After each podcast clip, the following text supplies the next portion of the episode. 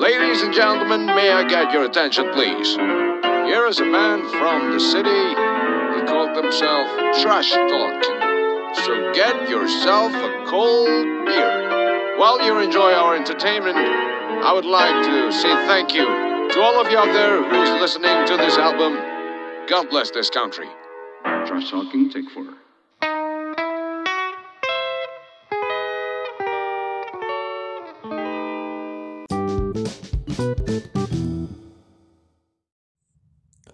Halo semua, apa kabar? Kembali lagi di podcast ini. Selamat mendengarkan dan terima kasih. Gue udah lama banget gak bikin episode baru di podcast ini.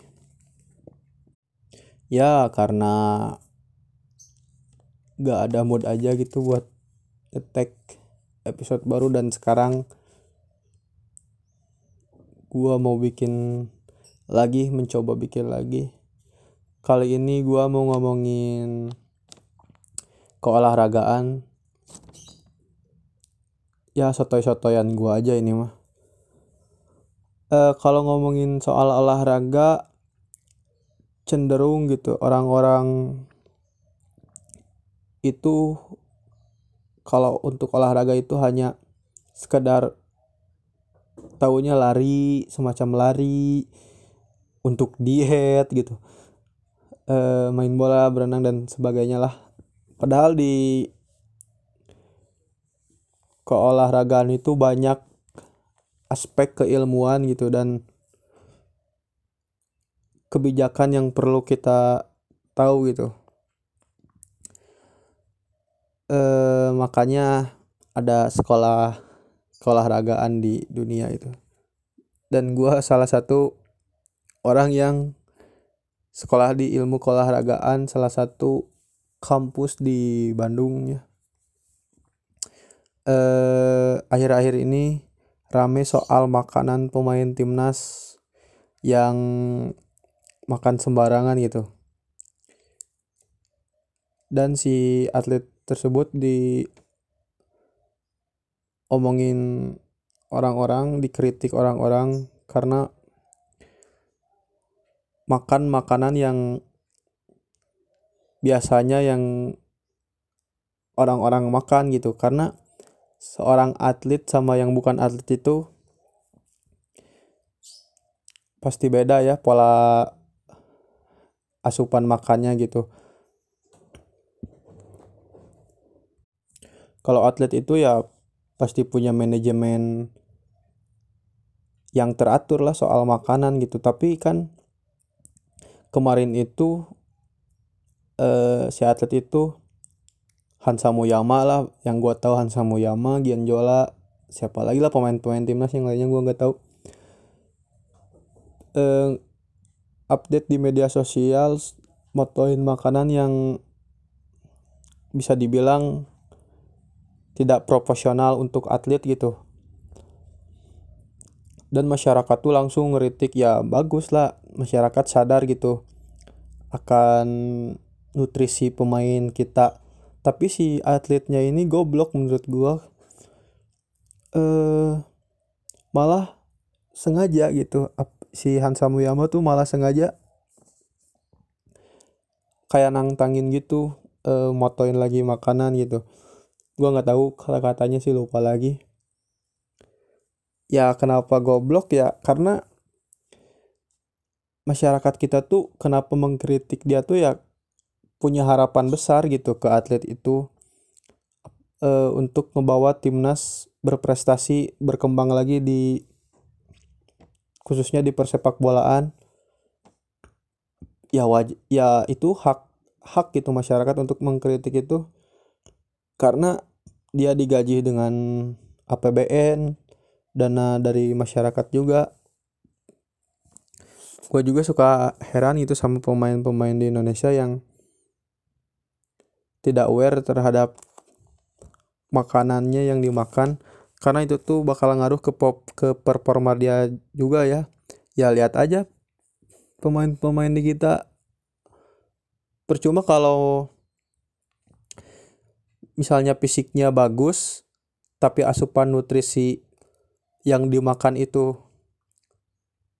tidak seimbang tidak sesuai dengan apa yang diharuskan ya lihat eh, hanya pemain itu hanya kuat sampai 70 menit paling lama itu ya ya minimal 60 menit gitu. Beda dengan atlet-atlet pemain bola di luar negeri yang benar-benar prover soal gizi ya sama aja kayak motor kalau motor bagus tapi diisi bahan bakar yang jelek ya percuma bakal ngaruh juga ke performa si kecepatan motor itu gitu ya. Nah, ini tuh ada hubungannya dengan kemajuan olahraga di kita ya. Karena olahraga di kita tuh ya gini-gini aja apalagi sepak bola hanya sebatas Asia Tenggara. Asia Tenggara pun hanya runner up gitu. Gue punya opini tentang kenapa olahraga di Indonesia tidak ada perkembangan yang signifikan yaitu ya karena sport policy-nya gitu. Jadi sport policy itu kebijakan olahraga. Sport policy ini kebijakan olahraga eh, yang mempunyai interaction dan dengan kebijakan publik. Sebetulnya Indonesia ini cukup beruntung ya karena punya kementerian olahraga dibandingkan negara-negara yang maju olahraganya, tetapi mereka itu tidak punya kementerian olahraga seperti di negara Belanda, Australia, dan Amerika. Mereka itu tidak punya kementerian yang khusus untuk menaungi di bidang keolahragaan. Mereka tuh nggak ada, padahal olahraga negara-negara yang tadi disebutkan itu sangat berkembang ya apalagi Amerika setiap olimpiade mereka tuh selalu jadi nomor satu jadi kebijakan olahraga itu intinya sebagai negara perpanjangan ke tangan community-nya tuh ngapain sih gitu kalau di kita persentase kebijakannya ada di Komisi 10 DPR yang menaungi olahraga di bawahnya tuh ada Menpora yang punya regulasi jadi yang meregulasi aktiviti olahraga di Indonesia dan di bawahnya lagi ada KONI, KOI, Dispora gitu. Nah, ironisnya di Indonesia ini policy outcome-nya tuh cuma satu yaitu di prestasi doang. Yang realnya di kebijakan kita yang diomongin orang Indonesia tuh ya cuma mendali yang mana menurut gua itu salah gitu. Harusnya kita ngelihat olahraga tuh ya sistemnya harus komprehensif yang berkesinam, berkesinambungan dengan olahraga masyarakat, olahraga pendidikan, olahraga prestasi. Selama ini yang diperhatikan hanya mendali jadi proses yang lainnya nggak dilakuin. Walaupun dilakuin juga menurut gue bakalan jomplang gitu ya karena gak ada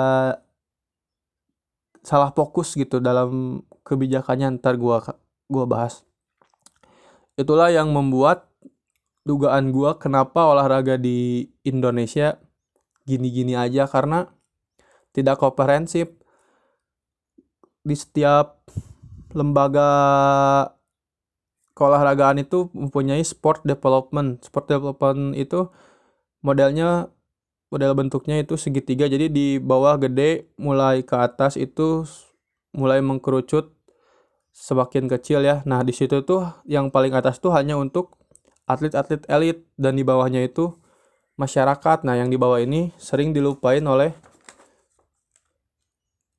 lembaga keolahragaan di negara kita. Bah, kalau di Jepang itu ada datanya hampir 60% warganya aktif berolahraga setiap minggunya gitu. Mereka itu aktif berolahraga minimal seminggu tiga kali. Nah, kalau di Amerika mereka itu bikin namanya physical activity guideline. ini tuh udah jadi rujukan terkini dipakai berbagai negara yang diadopsi oleh uh, akademi olahraga, universitas bahkan WHO juga mengadopsi physical activity guideline ini. Nah, physical activity guideline ini yang gua baca itu yang bikinnya bukan dari negara gitu. Ini tuh yang bikinnya dari asosiasi jantung di Amerika gitu kalau nggak salah. Jadi dia bilang bahwa untuk kita dapat terhindar dari penyakit minimal kita harus berolahraga dua setengah jam yaitu 150 menit gitu. Mereka tuh punya dua metode yang satu itu yang ke satu modern intensity yang kedua high intensity. Jadi modern intensity itu kalau lu berolahraga di level ngos-ngosannya tuh lu udah gak bisa nyanyi. Kalau di high intensity itu level ngos-ngosannya lu nggak bisa nyanyi nggak bisa udah nggak bisa ngomong lagi gitu. Nah kan ini tuh lebih high gitu ya Amerika yang ngeluarin itu setahu gua ya karena dia menyadari bahwa masyarakatnya tuh banyak yang mengalami penyakit generatif seperti obesitas, jantung, diabetes. Pokoknya yang general general lah. Di Jepang juga selain sehat masyarakat-masyarakatnya di Jepang tuh negara yang dijuluki the most lifelong country gitu. Angka harapan hidup paling panjang ya di Jepang negara Jepang. Kenapa gua mengambil kesimpulan bahwa Indonesia hanya fokus di elit? Kalau dibandingkan dengan Inggris itu bakalan kontras ya. Menpora di Inggris tuh gak pernah ngomongin yang namanya mendali gak pernah ngomongin yang namanya kita harus ikut kejuaraan ini kita harus dapat medali emas medali emas. Tahu gua ya karena gua udah cek di mana pun gitu. Karena di Inggris itu ada tiga badan yang paling prominan gitu. Prominan tuh e, penting untuk rujukan kebijakan olahraga. Yaitu yang pertama ada UK Sport yang kedua Sport England yang ketiga Sport Ministry Sport Ministry ini punya DCM yaitu di DCMS Digital Culture Media Sport. Nah, bayangin itu dalam satu itu pun pu udah punya empat aspek gitu. Yang ngomongin bagian medali itu ya hanya bagiannya yang si UK Sport. Jadi kalau menporanya itu lebih fokus ke grassrootsnya bagaimana olahraga bisa mentekel isu-isu sosial yang bagaimana olahraga bisa me menaungi penyakit generatif bagaimana dia bisa founding untuk olahraga publik seperti bikin lapangan bola gitu. Nah, kalau di kita ya di situ-situ aja gitu. Fasilitas publik pun hmm, ada gitu atau kurang lah ya jadi di kita itu gak jelas gitu pembagian yang ngurusnya tuh siapa yang ngurusin olahraga pendidikan siapa yang ngurusin olahraga masyarakat yang jadi akhirnya ya hanya ke prestasi. Coba di kita ada nggak sih lapangan bola yang emang bener-bener untuk masyarakat? Atau lapangan apa aja deh gitu. Untuk track jogging yang kayak gitu di kita itu masih kurang gitu nggak kayak di negara-negara yang olahraganya cukup bagus gitu. Kita aja mau main bola harus bayar mahal. Padahal secara penduduknya banyak tapi kok fasilitas keolahragaan kurang bahkan yang nggak ada di beberapa daerah gitu. Nah, ciri fasilitas publik yang ideal itu kayak gimana sih ya? Yang pertama gratis gitu. Minimal murah lah gitu nah di kita tuh kalau mau olahraga ya misalnya kita berjogging ya bayar parkir dan sebagainya terus lapangan bola kalau main bola kayak gue suka main bola ada lapangan tapi itu tuh sangat mahal ya. Per jamnya tuh. Kementerian Olahraga di kita yang tugasnya begitu-begitu aja bikin data sebaik mungkin, seindah mungkin sehingga kebijakannya tepat gitu. Partisipasi olahraganya tuh sebut itu tuh jadi kurang excellent gitu sebetulnya kita itu punya data gitu punya metode data yang namanya tuh SDI SDI itu Sport Development Index itu ya kita tuh hanya ngandelin itu itu tuh yang dikenalkan oleh UNESA ya kalau nggak salah niatnya sih bagus tapi menurut gua nggak applicable karena gak ada negara satupun yang pakai metode itu. Nah, masalahnya di situ. Kenapa gue bi bilang masalah? Ya, standar sukses kebijakan yang dibuat negara itu ya harus ada pembanding menurut gue gitu. Jadi, kalau gak ada bandingannya untuk mengukur kesuksesan itu kayak gimana gitu. Nah, masalah yang kedua itu masalahnya mengambil sampel metodenya tuh dengan mengambil sampel metodenya tuh dengan eh dengan ukuran anak-anak yang sedang olahraga itu tuh menjadi sampel gitu. Nah menurut gue itu eh cukup unvalid ya karena itu seharusnya random sampel gitu. Kalau ya kalau kita mendata orang yang sedang olahraga ya pasti hasilnya bagus gitu. Itu ngeri sih.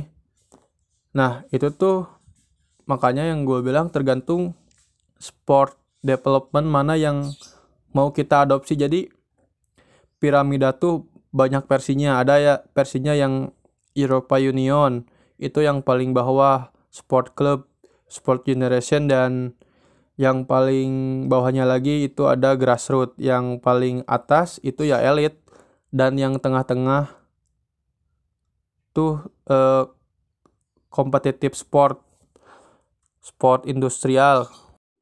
Kalau yang sport industri itu hal baru ya yang mungkin baru dua dekade atau empat dekade awal itu tuh pinggiran-pinggiran. Jadi kalau lo mau mengambil kebijakan nih sport policy outcome-nya tuh apa? Selain tadi prestasi lalu partisipasi masyarakat ada juga di Inggris nih. Inggris tuh mereka sport policy outcome-nya tuh udah mulai ke sport industry yang slogannya tuh economic development from sport. Ada juga yang lebih ini lagi uh, mereka tuh yang policy outcome-nya tuh yang sport yang menekal isu-isu mental psikologi olahraga ya. Nah, untuk Menpora ini yang harus dilakuin pertama adalah dia harus mempunyai orang-orang yang ahli untuk kebijakan olahraga, bukan orang-orang yang hanya sekedar punya itikat baik tapi tidak punya kualitas. Di kita mah kan banyak dengan dalih punya itikat baik terus mencalonkan misalnya sebagai ketua PSSI atau Kemenpora tapi bukan orang yang benar-benar menaungi ahli di bidang tersebut. Dan gua lihat pemahaman-pemahaman yang ada di Kemenpora tuh ya ahli dalam sport science. Jadi ini beda loh sport science sama sport policy itu ibarat kata lu lari maraton tapi lu pakai sepatu boot bukannya pakai sepatu running ya begitu sport science dan sport policy itu ya bedanya karena di level kementerian tuh harusnya yang menaungi semuanya itu adalah mereka tuh kebijakan gitu ya. Tapi justru malah ke sport science-nya. Yang sport science tuh teknikal banget. Dan ironinya tuh ilmu keolahragaan di kita tuh ya hanya ada sport science doang gua ngerasa wajar sih olahraga di kita tuh gini-gini aja ya karena ilmuannya kurang lengkap gitu. Harusnya kan ada yang namanya prodi manajemen olahraga eh, sport industri gitu. Jadi kurang gitu. Gak komprehensif. Kalau sport science itu kan urusannya ke performance untuk atlet elit makanya kebijakannya ke atlet elit mulu gitu. Karena ahli sport science mulu kita tuh e, kalah sama Malaysia dan Singapura juga Thailand ya. Mereka tuh udah punya prodi-prodi manajemen olahraga yang sudah lengkap gitu ya. Jadi intinya yang gua omongin ini adalah mereka tuh salah fokus jadinya kurang komprehensif jadi apa yang harus dilakukan tuh ya keilmuannya dulu ya yang harus dimunculkan. Dan keilmuan olahraganya itu ditarik ke bidangnya masing-masing. Misalnya dalam mengurusi kebijakan olahraga yang ahli di kebijakan, yang ahli di sport industri, sport industri yang ahli di partisipasi masyarakat, partisipasi masyarakat yang ahli di untuk atlet, untuk atlet gitu. Jadi ada proporsi proporsinya gitu ya. Terus kita harus ngapain sih? Policy outcome-nya tuh harus jelas mau ngapain ya? Kita mau mencapai apa? Kita hanya ngomongin selama ini ya medali aja ya kan? Yang bawahannya tuh enggak enggak diomongin medali itu apa sih dengan justifikasi macam-macam? Kalau kita lihat kalau kita dapat medali itu tuh bakalan ya bagus gitu. Bakalan menginspirasi orang-orang untuk berolahraga menjadi kebanggaan. Tapi ya tetap aja kalau nggak di, di channeling emang kita pernah jadi juara umum di olimpiade? Kan nggak pernah bahkan kemarin peraih medali emas pun udah pada lupa siapa namanya. Jadi itu memang justifikasi orang-orang yang gembar-gemborin kebijakan di elite sport ini harus jelas runtutannya gitu. Gua baru baca jurnal. Jadi justifikasi kita jor-joran di olahraga prestasi itu apa sih ada yang bikin premoknya gitu ya. Kalau lu jor-joran di medali emas itu tuh ya ada inklusi sosial feeling good factor punya pride gitu. Tapi menurut gua itu sifatnya hanya temporary. Harusnya diukur dengan baik ya. Dan kalaupun nggak diperhatikan juga misalnya kan anggap aja itu benar fokus di elite pro terus dia berprestasi ngefek ke bawah ah gue pengen misalnya kayak pengen kayak Johri kayak Markus Kevin gitu. Tapi kalau kebijakannya gak sportif itu tuh jadi bingung juga lu main bola kayak Egi Maulana mau di mana gitu. Lu mau main badminton kayak Kevin dan Markus di mana gitu kan jadinya bingung makanya itu tuh harus sistemnya harus dari bawah dulu gitu kayak public sport policy-nya tuh harus disediakan ya. Percuma kalau tidak disediakan. Kalau gua jadi menteri olahraga yang gua lakukan pertama adalah yaitu dengan memanggil deputi deputinya gitu. Gua nggak mau tahu kita harus bikin public sport facility sebanyak mungkin lebih banyak dari yang sebelumnya. Itu yang akan gue lakuin karena public sport facility ini bisa dipakai oleh atlet elit bisa dipakai juga masyarakat. Nah yang jadi fokus di daerah kita itu selalu bikin apa coba? Ya stadion. Ketika ada perhelatan olahraga yang diselenggarakan di negara kita tuh dibikin stadion-stadion ya di setiap daerah gitu. Tapi setelahnya kalau kita mau make emang bisa? Kan nggak bisa. Mau sewa mahal mau gratis pun misalnya perizinan perizinannya tuh susah banget. Itu tuh bukan yang gua maksud public sport facility. Public sport facility itu tuh prinsipnya ada tiga yaitu murah mudah massal gitu. Itu ada di undang-undang ya pas gua baca undang-undang tentang ke olahragaan gitu. Jadi sarana garis besar di undang-undang itu adalah sebetulnya kalau lihat gitu ya olahraga partisipasi prestasi olahraga pendidikan. Nah yang lucunya tuh pemerintah tuh yang dibilang undang-undang mereka tuh berperannya bukan di olahraga prestasi tapi di olahraga rek olahraga masyarakat. Jadi intinya yang mereka punya tuh direct actionnya yang punya tiga payung itu.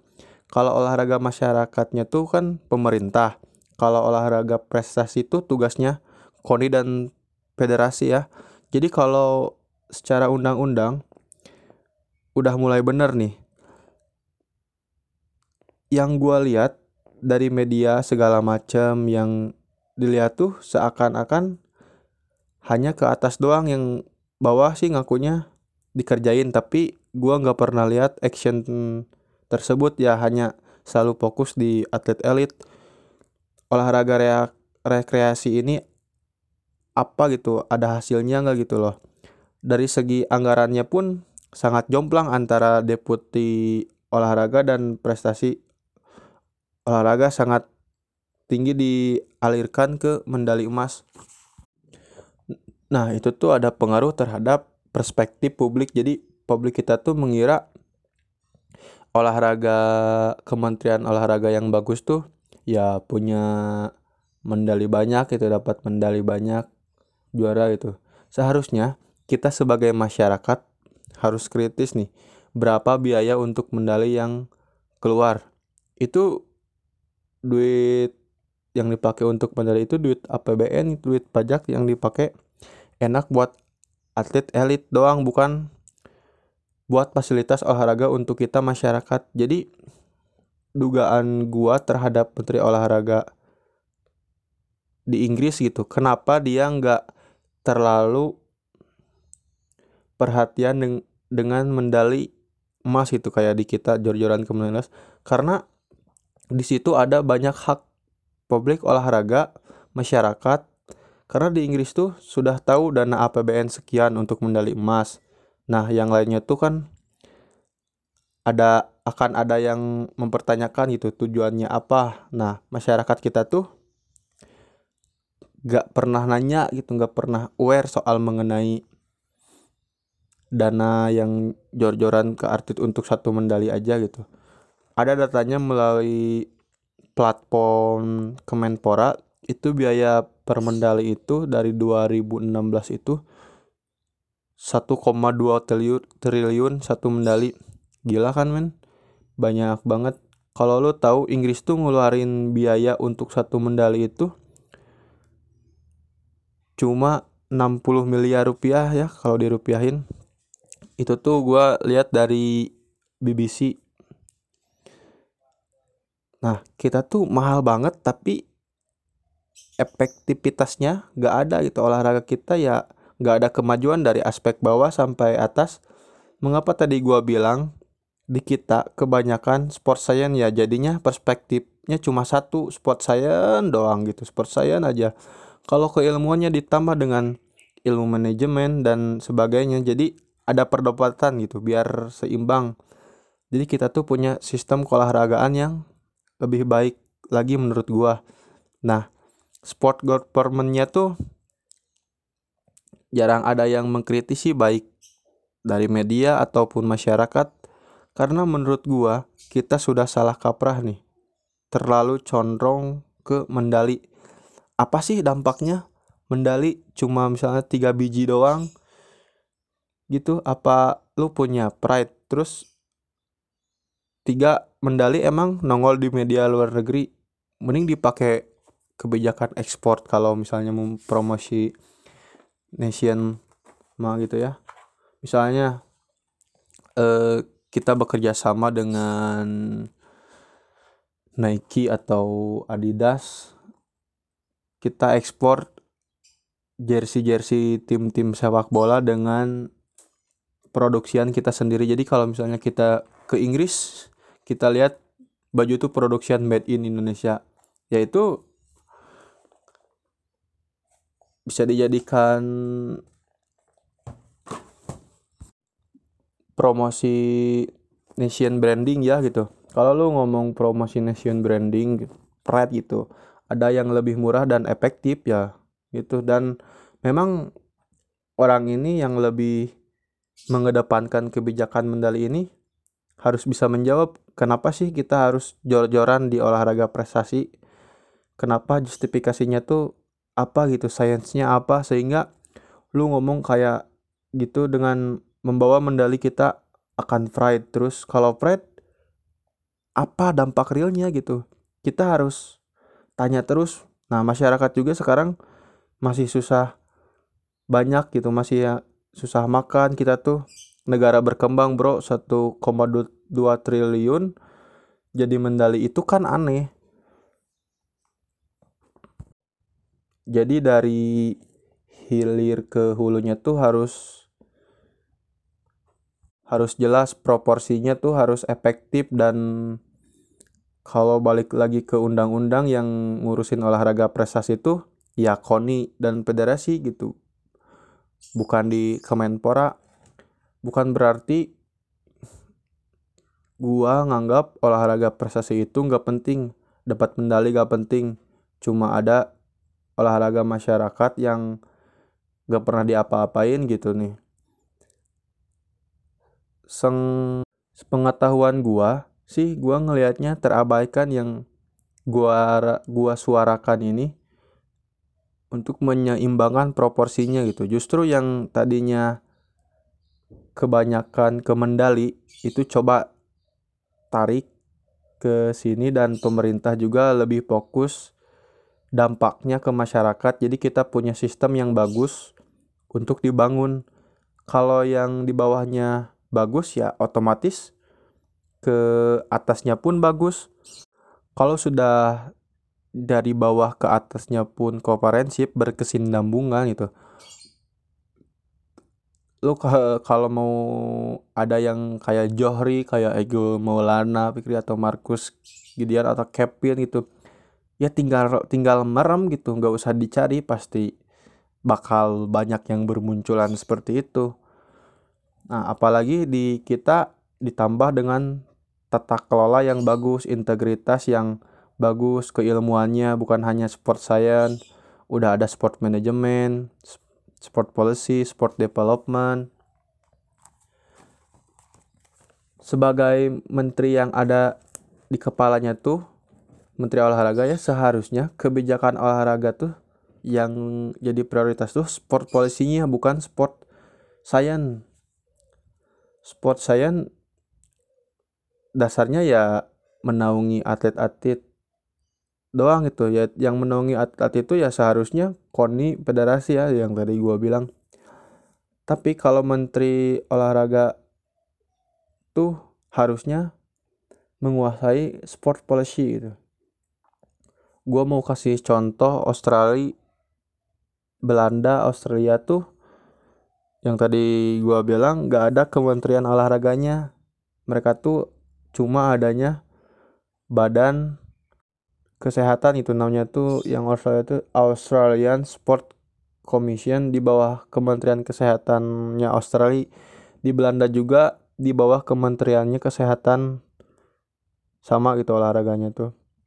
Tapi mereka tahu nih lebih keren dan lebih mendeliver kebijakan olahraganya tuh baik gitu kayak public sportnya tuh gila banget banyak banget. Jadi kesimpulannya sayang gitu ya kalau misalnya kita punya dana yang cukup begitu besar hanya dialokasikan dan terlalu fokus ngeker ke atas ke mendali gitu. Tapi efektivitas dan dampak ke bawahnya tuh gak ada sama sekali. Ya makanya menurut gua olahraga kita kenapa gini-gini aja? Karena ekosistem dari bawahnya pun tidak berkesinambungan gitu ya itu hanya sekedar opini gua sih terhadap kementerian olahraga di kita